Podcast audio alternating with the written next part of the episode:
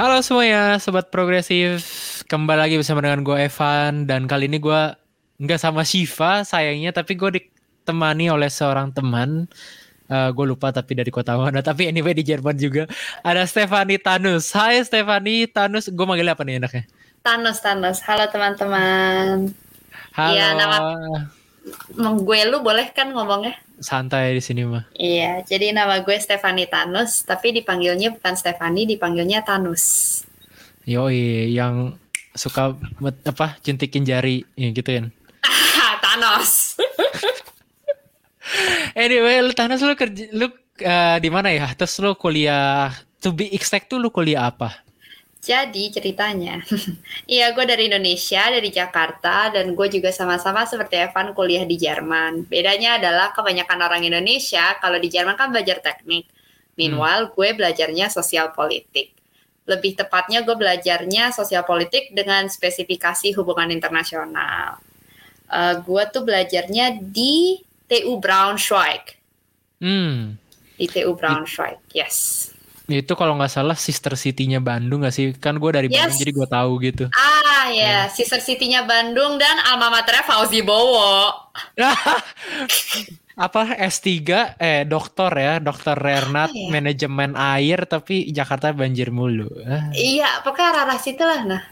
Eh, anyway, jadi kenapa gue ngajak Tanus di sini? Karena kita hari ini mau ngebahas sebuah topik ya berkaitan dengan vaksin, tapi nggak capek lah ya ngomongin vaksin itu penting, vaksin, ayo segera vaksin. Tapi kita lebih pengen melihat kenapa sih kok uh, negara-negara kaya ini pada uh, tanda kutip sangat-sangat serakah dengan vaksin, sementara negara-negara yang uh, tanda kutip lebih miskin gitu atau lebih kurang berkembang uh, walaupun gue nggak suka istilahnya tidak ber, negara berkembang dan negara maju gitu.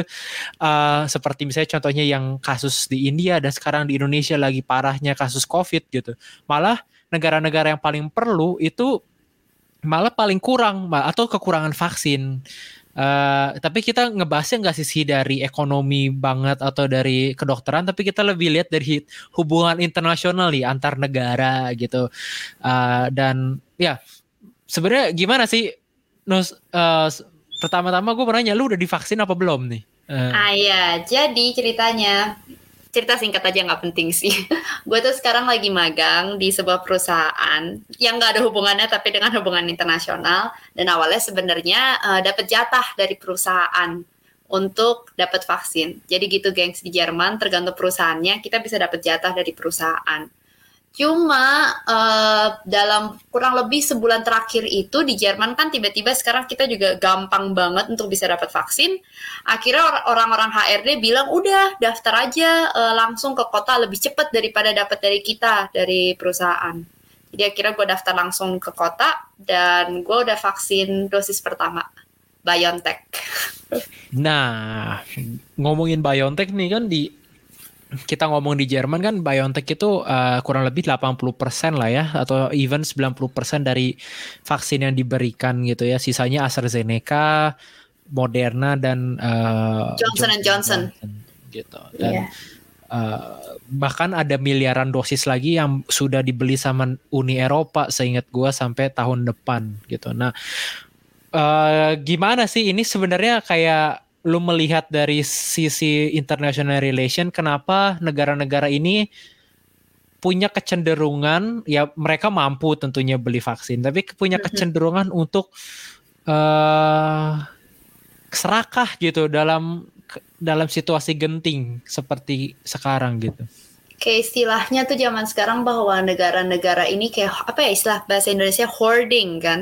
Kayak mereka hoarding hmm. vaksinnya kan uh, bahkan tuh tadi tuh gue iseng-iseng lihat uh, gue nggak tahu apa lu pernah denger Van tapi baru-baru ini kan muncul juga berita bahwa kayaknya uh, uh, dosis ketiga bisa meningkatkan imun.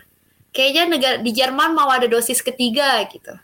Bahkan udah ada muncul bau-bau bahwa kita kita yang di Eropa bisa dapat vaksin ketiga, padahal di Indonesia dan di negara lain vaksin pertama aja belum dapat gitu kan? Betul. Dan Jadi, WHO, mm -hmm. WHO pun sempat juga uh, mengkritik keras ya kalau bisa udahlah ngapain vaksin ketiga kasih dulu Yes. kasih dulu ke negara-negara yang lebih membutuhkan. Iya, gue baca dari siapa yang pernah bilang, maksudnya sangat menyedihkan banget gimana negara-negara kayak Eropa bisa orang-orang setiap satu detik, kalau nggak salah dibilang satu detik tuh satu orang dapat vaksin baru, minimal di negara lain, Afrika atau Asia gitu, tenaga-tenaga medisnya aja belum dapat sama sekali. Satu sisi gimana ya, nggak ini dari sisi berpikir secara manusia gitu nggak heran sih ya negara-negara ini kan mereka berpikir oh yang penting mah gue nyelamatin warga negara gue dulu gitu kan. Pokoknya warga negara gue aman baru gue pikirin negara lain. Satu sih vaks, eh, pandemi ini kan secara global melewati bilang apa ya kayak zaman sekarang tuh yang namanya national borders itu udah kayak nggak ada gitu kan because of globalization and everything at the same time mungkin negara-negara ini berpikir oh ya udah yang penting uh, warga negara gua aman. Kalau misalnya uh, kalau misalnya parah ya udah tinggal tutup tutup tutup perbatasan gitu kan. Gue sih berpikir negara-negara ini mungkin berpikirnya kayak gitu pertama kali. Pokoknya ngomong kasar size egal negara lain Hmm. warga gua aman gitu kan. Ya gimana ya Nah, cara pandang seperti ini kayak gini tuh ya, itu tuh sebenarnya di dalam il- ilmu dasar HI. Coba lu bisa share juga mungkin kayak ilmu dasar ilmu ilmu dasar HI itu Ya. kayak gimana. Hal-hal seperti ini bahwa mereka itu sangat-sangat proteksionis dan em, apa ya? Mungkin melihat situasi kondisi dan lebih mementingkan negara sendiri itu masuknya dalam sebuah kerangka eh, cara cara bertindak yang mana gitu. Kalau nggak salah kita Hmm. sempat ngomongin ada beberapa tipe jenis teori ya gitu. Yes, bagaimana uh, negara itu ber ini berdasarkan kesotoyan gue ya gengs berdasarkan kesotoyan gue yang pernah Lu belajar kuliah- international kalau relations kuliah HI Iya. lu kredibel dikit lah lumayan Jadi first things that everybody will learn ya ketika belajar eh, HI itu eh, dua kayak school of thought gue bilangnya realisme apa realisme dan idealisme. Realisme itu kayak sesama negara tuh berpikir kita tuh bak kita tuh selalu ada di ambang perang kita harus saling melindungi diri sendiri kita nggak bisa percaya sama negara lain gitu. Dan realisme itu tuh school of thought yang makanya mempelajari soal perang kemudian mempelajari juga tentang kenapa sih negara-negara yang lain tuh mulai punya apa pada satu persatu bikin nuklir gitu kan. Realisme tuh berpikir gue nggak bisa percaya sama negara lain dan negara lain tuh pasti akan bakal nyerang gue setiap kali ada kesempatan gitu Meanwhile ini ini tentu aja kayak secara lebay ya kurang lebih begitu. Kalau idealisme lawannya gitu kayak enggak kok kita bisa kok saling bekerja sama satu sama lain gitu. Eh semuanya tuh enggak sehitam putih yang dipikirkan gitu kan. Kita bisa bekerja sama with UN gitu kan, mencegah perang and everything gitu. Dan kurang lebih seperti itu. Jadi kalau berpikir dari sudut pandang idealisme dan realisme ini, gue berpikir sih dalam kasus vaksin, vaksin tuh kalau dulu tuh negara-negara berusaha untuk kayak oke gue akan bikin eh, apa, gue akan bikin senjata nuklir sebanyak yang gue bisa. Sekarang kebalikannya negara-negara jadi berpikir oke gue akan mengumpulkan vaksin sebanyak yang gue bisa. Ngomong kasarnya tuh vaksin tuh udah jadi kayak currency baru gitu loh Hmm. jadi a new security currency gitu. Iya, gue punya vaksin segini banyak, lu punya vaksin berapa banyak? Gitu sih, kalau dari sudut pandang gue, gue berpikirnya. Ya, gitu. Em, berarti apakah memang kalau di situasi-situasi genting ini yang muncul selalu realisme? Apakah ada contoh-contohnya nggak sih yang kayak oh ternyata bisa loh dengan dengan school of thought dengan cara pandang idealisme konflik atau masalah itu terselesaikan kayak gitu atau memang secara natural aja bahwa negara akan selalu seperti itu terutama yang memang punya capital atau duit yang lebih banyak Hmm. seperti Amerika dan Uni Eropa gitu. Kalau menurut gue sih, at the end of the day, itu selalu permasalahan kemanusiaan ya. Kayak, do we trust other people or not? Tapi kalau lu bertanya soal, per- eh, apakah situasinya selalu seperti ini, eh, funnily enough, gue ada sebuah eh, ek- sebuah example kon- konkret. Jadi, kalau sekarang kan ini istilahnya tuh vaksin diplomasi ya, kita sekarang. saling negara-negara tuh saling ngirimin vaksin. Entah nih ngirimin vaksinnya emang jujur atas dasar kemanusiaan atau ngirimin vaksinnya tuh buat uh, gain goodwill dan menjalin hubungan lebih baik ya. Tapi gue pernah gue tuh kemarin searching kasus ini di mana kayak negara saling berbagi vaksin atau sal atau kebalikannya ya saling saling menahan vaksin itu tuh pernah terjadi di vaksin polio. Tapi oh, kalau dalam kasus polio, ya jadi polio itu zaman dulu pertama kali itu tuh akhirnya bisa terjadi karena kerjasama antara US dan Soviet. Padahal pas lagi zaman perang dingin pas tahun 1950. Correct me if I'm wrong ya guys. Ini research gue kecil-kecilan dan gue pun juga kaget setelah gue membaca ini. Kalau dalam kasus polio itu, jadi tuh apparently there's this one kayak uh, researcher namanya Jonas Jonas Salk, American. Dia udah bikin vaksin polio, dia tes ke anak-anak uh, US. Biasalah suka ada neben apa sih istilahnya nebenwirkung dan um, side effects-nya efek side gitu effects-nya gitu ya. ada ada efek samping dan there's another researcher lagi yang namanya Albert Sa Albert Sabin dan dia bilang e, coba deh kalau lu ganti uh, cara bikin vaksinnya dengan begini gitu gue punya metode lain gitu maybe this can help Masalahnya karena anak-anak US pas tahun 1950-an itu udah dapat vaksin dari si Jonas Salk ini dan dan orang tua orang tuanya mereka takut kayak oh enggak gue nggak mau anak gue dipakein vaksin lagi. Dan selain itu juga mereka kalau misalnya lu udah punya dapat vaksin lu kan susah kan untuk nyobain vaksin bentuk lain di orang kedua kayak you need clinical test. Dan akhirnya waktu itu uh, si vaksin polionya itu ditesnya akhirnya ke anak-anak Soviet so there's a Soviet researcher yang kayak uh, mendekati si Albert Sabin dan bilang oke okay, let's try it on Soviet children. And they hmm. did. And it worked really really well. Hmm. dan at the end akhirnya negara lihat oh vaksinnya si Albert Sabin for, for polio it works better gitu kan. Dan akhirnya ya tanda kutip world peace gitu kan. Children receive the vaccine gitu kan. Everything is better dan ini semua terjadi karena kerjasama yang very very unlikely gitu kan antar hmm. negara which is US and Soviet pas zaman perang dingin kayak gue pas baca itu gue kayak wow oke okay, apparently kayak good things can happen gitu kan ya yeah. selain itu gue pernah baca lagi sih kalau nggak salah dulu smallpox smallpox apa hmm. sih ya bahasa Indonesia-nya ya cacar air ya cacar air ya hmm. jadi kalau smallpox itu kan it's even older gitu itu tahun zaman Napoleonic War juga 1700 berarti ya. Dan it happens juga itu tuh yang pertama kali menemukan itu sebenarnya orang Inggris. Tapi even in the midst of war gitu kan, itu tetap bisa tersebar gitu kan. Even orang Prancis, orang Portugal, orang lain Eropa, Inggris, everybody kayak di tahun-tahun itu akhirnya bisa tetap dapat and penyakitnya bisa terselesaikan. Jadi satu sisi sih kalau misalnya kita pikirin gitu with the situation right now, oke okay, negara-negara hoard all of the vaccine gitu. Tapi at the same time uh, through vaccine diplomacy gitu ya, at the end of the day kita nggak tahu ya mereka benar-benar uh, tulus atau enggak ngasih vaksinnya ya.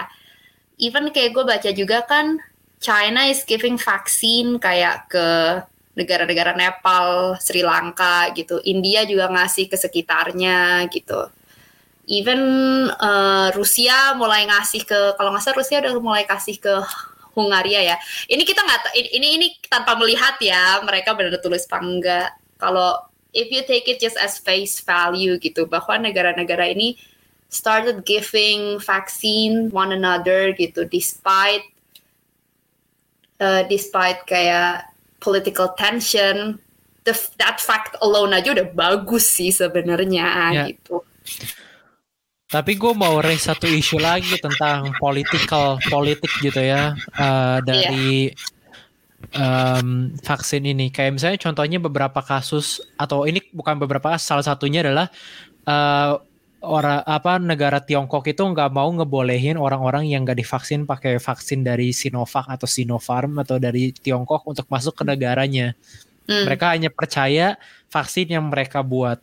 pun juga dengan uh, Uni Eropa gitu. Uni Eropa nggak mau ngebiarin orang-orang yang divaksin nggak dengan vaksin-vaksin yang uh, diperbolehkan di hmm. uh, EMA European Medical Agency-nya hmm. mereka nggak boleh masuk ke Uni Eropa gitu. Nah ini kan bukannya antitesis dari yang lu bilang tadi ya kayak satu sisi kayak saling giving tapi yang lainnya kayak saling apa ya mencegat atau menggunakan vaksin vaksinasi ini sebagai langkah-langkah I don't know politis untuk mencegah orang-orang masuk atau menurut lo ini cuma karena masalah kepercayaan mereka terhadap satu vaksin dan vaksin yang dan vaksin lain aja? Atau ada memang politik gitu? Hmm, menurut gue sih at the end of the day kayak yang kayak gue bilang if we take it as face value the fact kalau mereka udah bagi-bagi vaksin aja udah bagus. Tapi itu kan kita nggak ngelihat ya alasan mereka dibalik itu dan kayak all the hidden meanings and hidden agendanya gitu. Uh, menurut gue satu sisi mungkin bisa jadi ada alasan-alasan tertentu tapi satu sisi lagi juga nggak bisa memungkiri bahwa mereka juga saling tidak percaya dengan vaksin ya. Dengan vaksin satu sama lain gitu kan. Uh, apalagi contoh setahu gue Sinovac dan yang beberapa yang dibikin di Cina itu memang belum diakui di belum. Eropa. Contoh Eropa juga nggak mengakui vaksin buatan Rusia juga setahu gue belum juga ya iya. Satu sisi ini nggak bisa memungkiri ilmu pengetahuan ya. Gue bukan ahli vaksinasi, gue nggak tahu sesusah apa sebenarnya bikin vaksin dan gue juga nggak tahu ya maybe there's there's really a scientific uh, kayak scientific concern behind it gitu. Tapi gue pun juga nggak memungkiri bahwa there's a political uh, motivation itu menurut gue juga pasti ada sih. Gitu. Iya.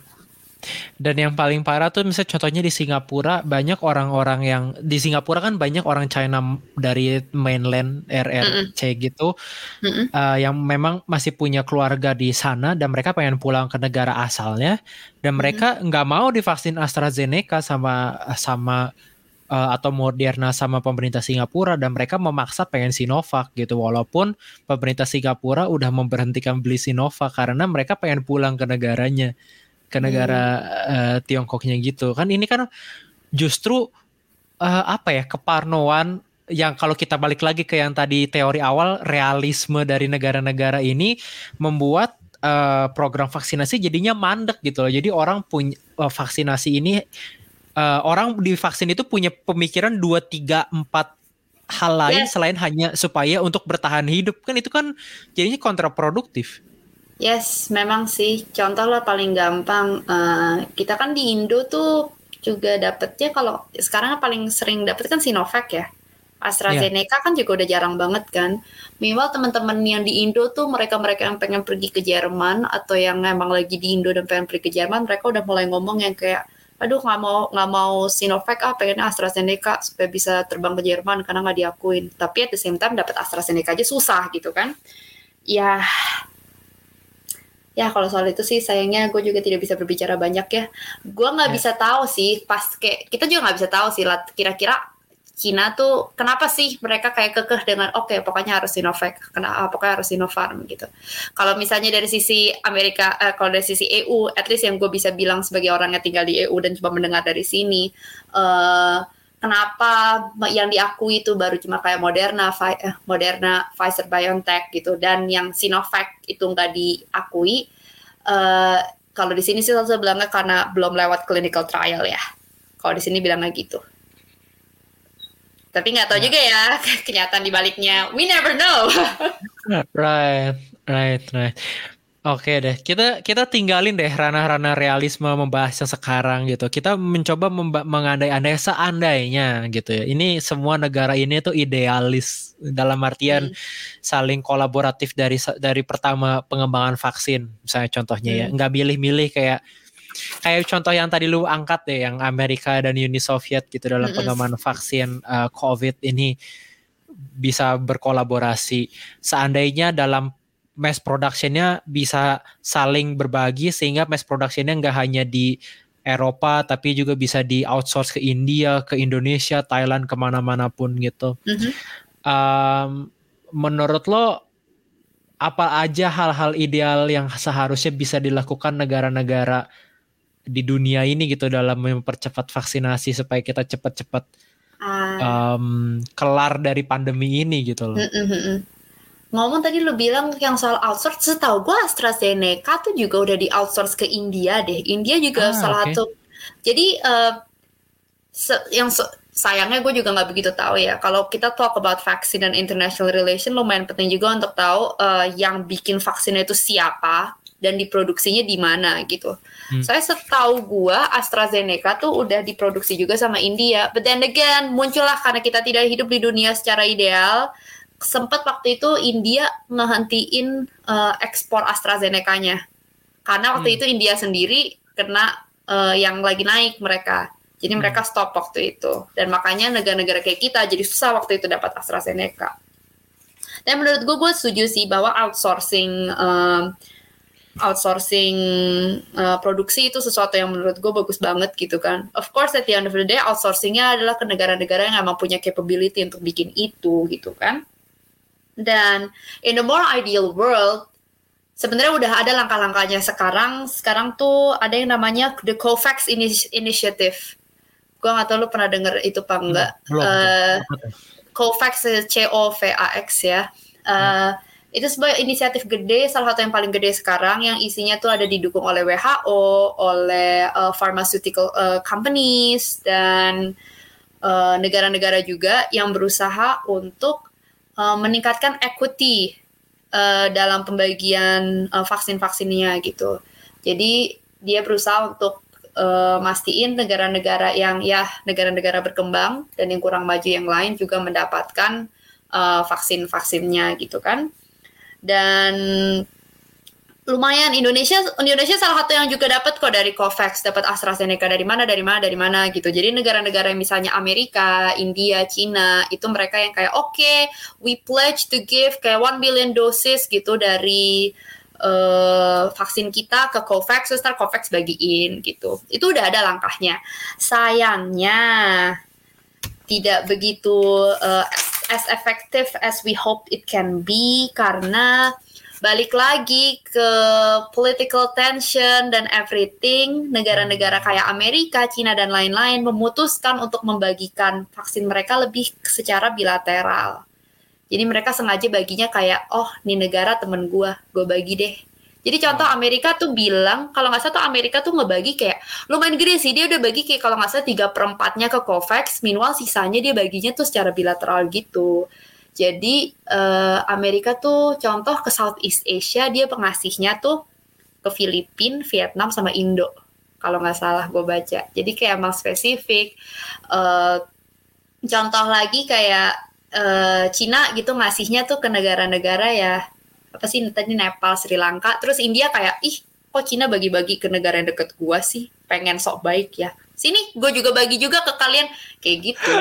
Jadi kayak diem-diem tuh uh. kayak we live we we hope that we live in an ideal world di mana semua orang berbagi karena karena karena tulus gitu. Sayangnya kalau misalnya lo memperhatikan kayaknya tidak gitu kan yeah. contoh dan dan itu yang lumayan jadi menarik juga kalau ngomongin soal vaks, vaksin diplomasi dan international relation lo jadi bisa mulai memetakan gitu loh negara mana tuh temenan sama negara yang mana karena di contoh di Uni Eropa satu-satunya negara Uni Eropa yang udah nerima vaksin Cina nggak tahu ya itu apakah Sinovac atau Sinopharm dan satu-satunya juga udah nerima uh, mau nerima ya mau nerima Sputnik itu Hungary iya, jadi kayak iya. oh oke, okay, kalau nerima dari sini sih gitu. so it's okay. interesting to see sih. Iya iya iya makanya gue juga uh, mengingat melihat per, perkembangan berita terakhir-terakhir ini gue jadi langsung kepikir ah gue pengen ngajak lo deh ini karena vaksin ini pada akhirnya udah jadi alat diplomasi juga gitu um, yes. seperti yang lo bilang tadi apakah memang niat tulus apa enggak kita nggak bisa tahu juga cuman melihat pemilihannya kenapa ke negara A dan bukan negara B, kenapa ke negara A satu juta dosis sementara B cuma seratus hmm. ribu dosis, itu kan udah sesuatu hal yang bisa kita coba analisa atau coba kita cari seluk beluknya gitu apa apakah ada perjanjian iya tertentu sih. atau ada deal-deal apa yang hmm. ter, uh, terlibat di daerah situ gitu kan Iya, bahkan Um, tapi satu sisi yang gue tuh kepikiran ya pas mikirin soal topik ini gitu ya, menurut gue sedih tuh sekarang kan Afrika udah mulai naik ya, terus kayak Hmm. menurut kayak masih sangat sangat sangat sedikit yang terkirim ke Asi- eh, ke Afrika gitu. Terus gue mulai berpikir aja gitu, ini ini pemikiran uh, suudzon gue gitu ya, eh, bahwa mungkin negara-negara yang maju ini tanda kutip mereka mau mengutamakan negara-negara yang lebih eh, tersentuh oleh globalisasi gitu loh.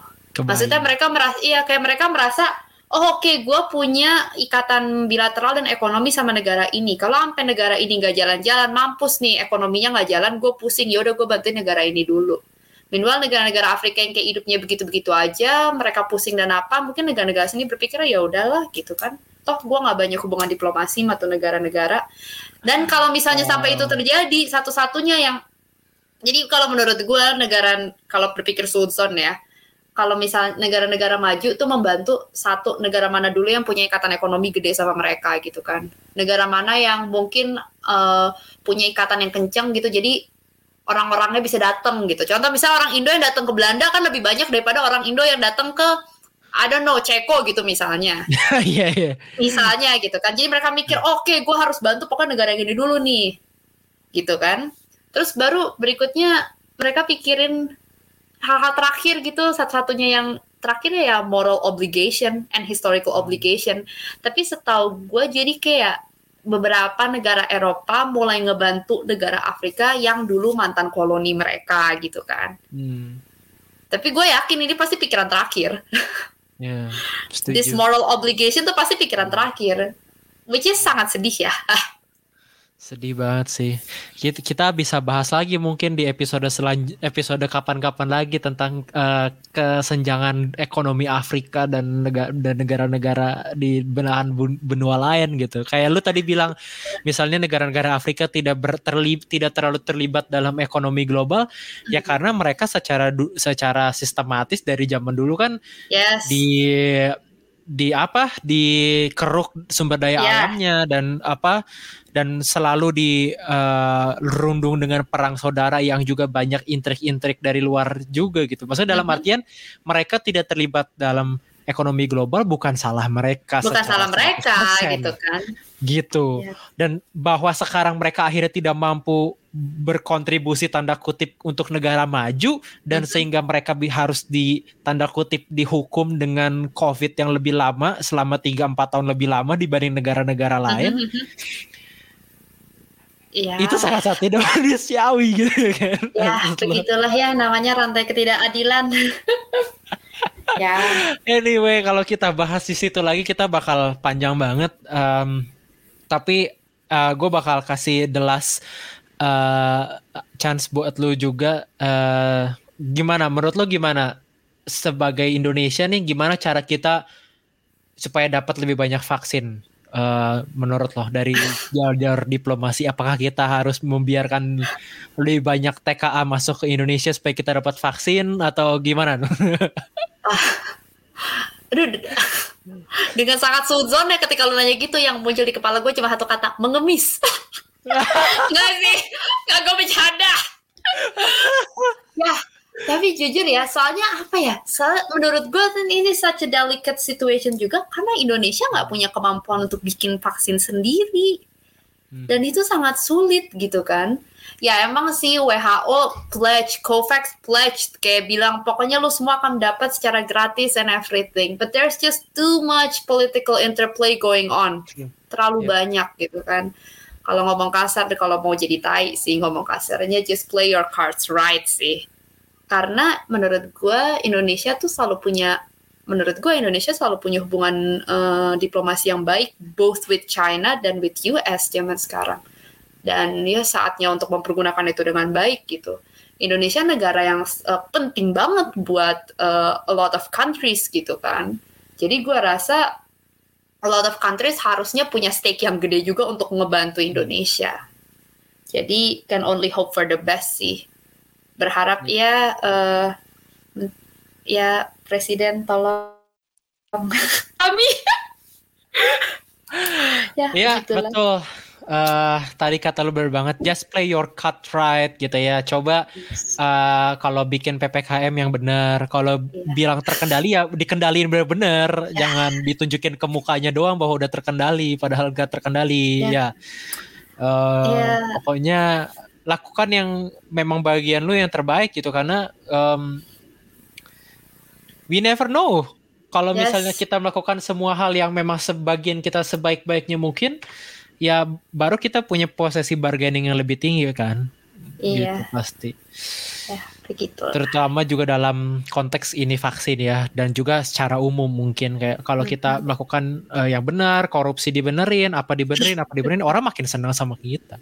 Yeah. Iya, begitu lah. Alright, thank you Thanos buat ngobrol-ngobrol hari ini ya. Nggak kerasa setengah jam ngomongin yeah. uh, international relation in connection with vaccine. Kayaknya ini bisa jadi contoh atau apa ya semacam expose buat tesis kali ya master tesis dua tahun lagi I guess bisa dianalisa menarik tuh. loh sebenarnya ketika ya kan? gue searching searching ini about vaccine diplomacy karena menurut ya. gue jarang banget jangan sekarang bahwa kayak kita udah sering ngomongin dalam international relation tuh kita ngomongin soal nuklir gitu. How nuclear is such a big currency is important. We talks about banks gitu kan atau we talk about bahkan ada orang ngomongin soal panda diplomasi itu China gitu. There's yeah. a lot of thing gitu kan.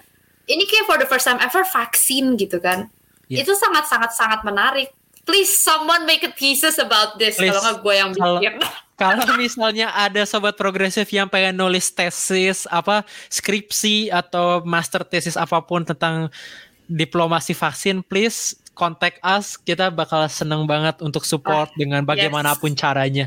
Walaupun kita bukan ahli tapi mungkin bisalah satu dua cariin narasumber maybe atau nggak tahu lah apa uh, siapa tahu profesor siapa tahu profesor siapa tahu ada anak bachelor atau ada anak master denger ini terus jadi mikir wah gue mau bikin uh, ya Hausarbeit skripsi tentang ini wah itu aja gue udah seneng banget deh ya mantap semoga ini temanya menginspirasi dan yes. semoga teman-teman sobat progresif juga uh, diam di rumah stay healthy stay safe kalau misalnya teman-teman punya rezeki lebih jangan lupa di tips yang lebih abang gojek dan semua semuanya kalau misalnya uh, sobat progresif juga bisa di rumah di rumah aja Gak usah ke mana Minimal jangan nyebarin hoax ya, gengs. Minimal itu.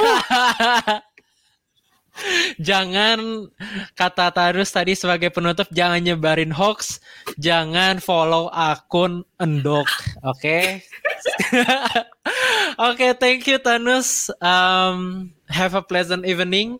Uh, sukses terus buat uh, semuanya ya buat yes. kuliah apa magang lu dan semoga lu dapat pekerjaan yang lu idam-idamkan.